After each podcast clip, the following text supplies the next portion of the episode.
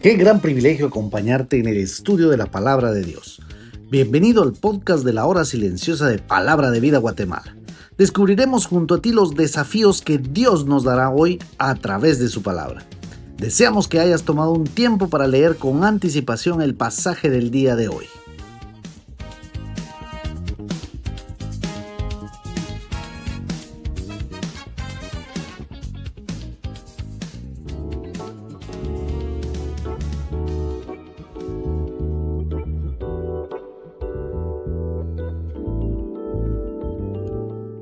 Bueno poder estar en el comentario de la hora silenciosa el día de hoy. Te saluda Oscar Fuentes del Ministerio de Palabra de Vida aquí en Guatemala. Hoy estaremos en Primera de Corintios capítulo 14 del 1 y al 9.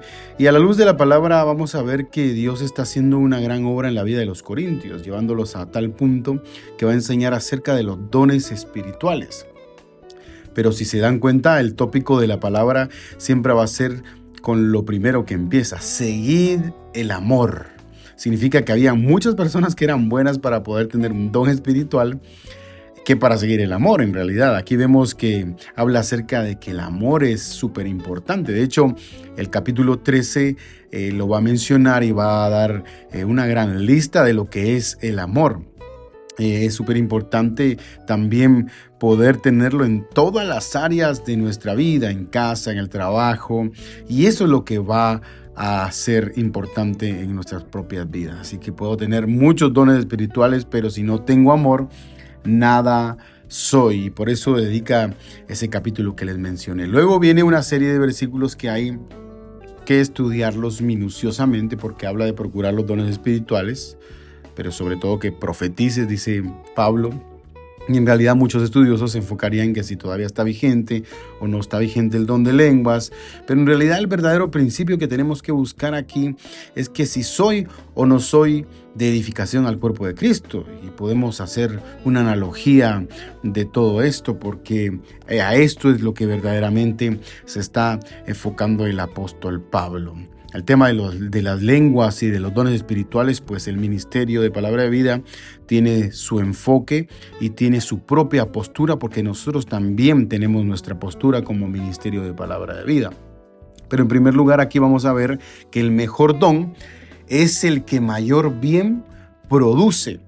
Es interesante porque en la iglesia primitiva pareciera ser que estos dones espirituales, que yo les llamo más bien dones ostentosos, eran de los que estaban a la moda. No tenemos que ir muy lejos el día de hoy en cuanto a la manifestación de este don, ¿verdad? Porque lo mismo ocurre en nuestra época. La Biblia dice en Romanos que Dios es un Dios de orden. Y yo sigo creyendo aún en esto, que Dios le puso orden a todo esto. Y hoy vemos que esto es un desorden. Cuando hablan acerca de las lenguas, las iglesias, muchas iglesias tienen un desorden en cuanto al comportamiento de las lenguas y si nosotros vamos a la palabra de Dios, verdaderamente esto, esto era para edificación a sí mismo, como decía Pablo. Por eso el mismo Pablo creía que era mejor el don de profecía, que profeticen, que el don de lenguas. De hecho, el apóstol Pablo expresa sus deseos de que todos, si fuese posible, en el 12.30 hablasen en lenguas. Está bien, dice Pablo, hasta el punto de mandarles que, que no se lo impidan hacerlo, pero todavía desea más que profetizasen, a no ser que el que habla en lenguas pida poder tener un intérprete, pero el don de profecía tiene mucho más que ver con lo que la misma palabra de Dios dice allí, eh, con la edificación, con la exhortación y con la consolación. Eh, por eso hablamos de este punto. El mejor don es el que mayor bien produce.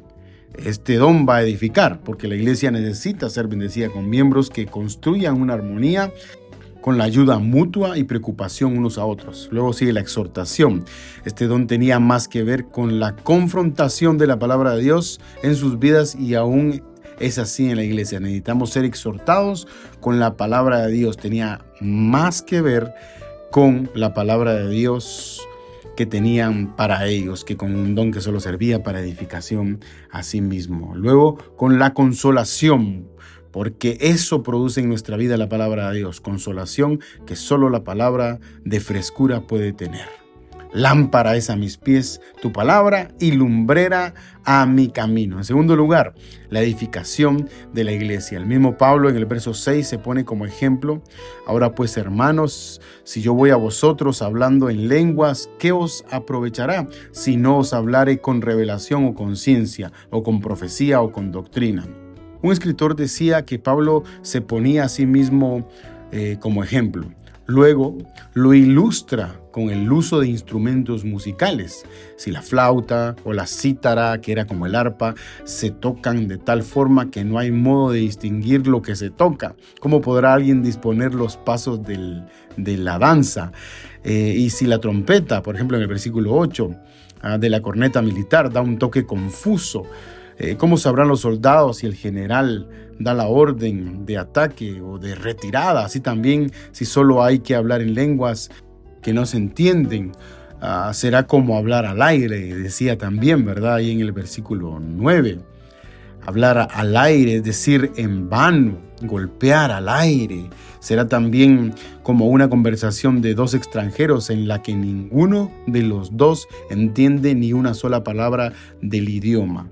De hecho, por eso es que Pablo insistía de que era mejor profetizar, hablando acerca de la edificación, hablando acerca de la consolación, hablando acerca de la exhortación que nosotros podemos dar a aquellos que nos escuchan como edificación a la iglesia. Por eso vívelo.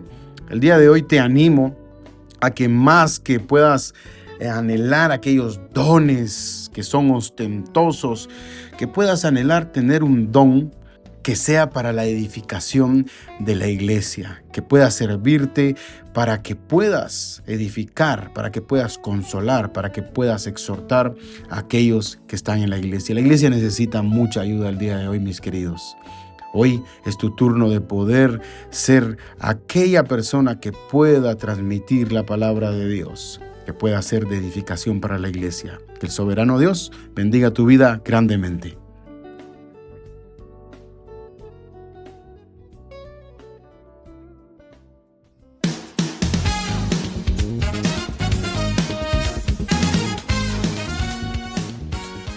Es emocionante saber los tesoros que Dios tiene en su palabra para nosotros. Ayuda a tus amigos a que descubran la voluntad de Dios para su vida. Comparte este podcast con ellos. No olvides seguirnos en nuestras redes sociales.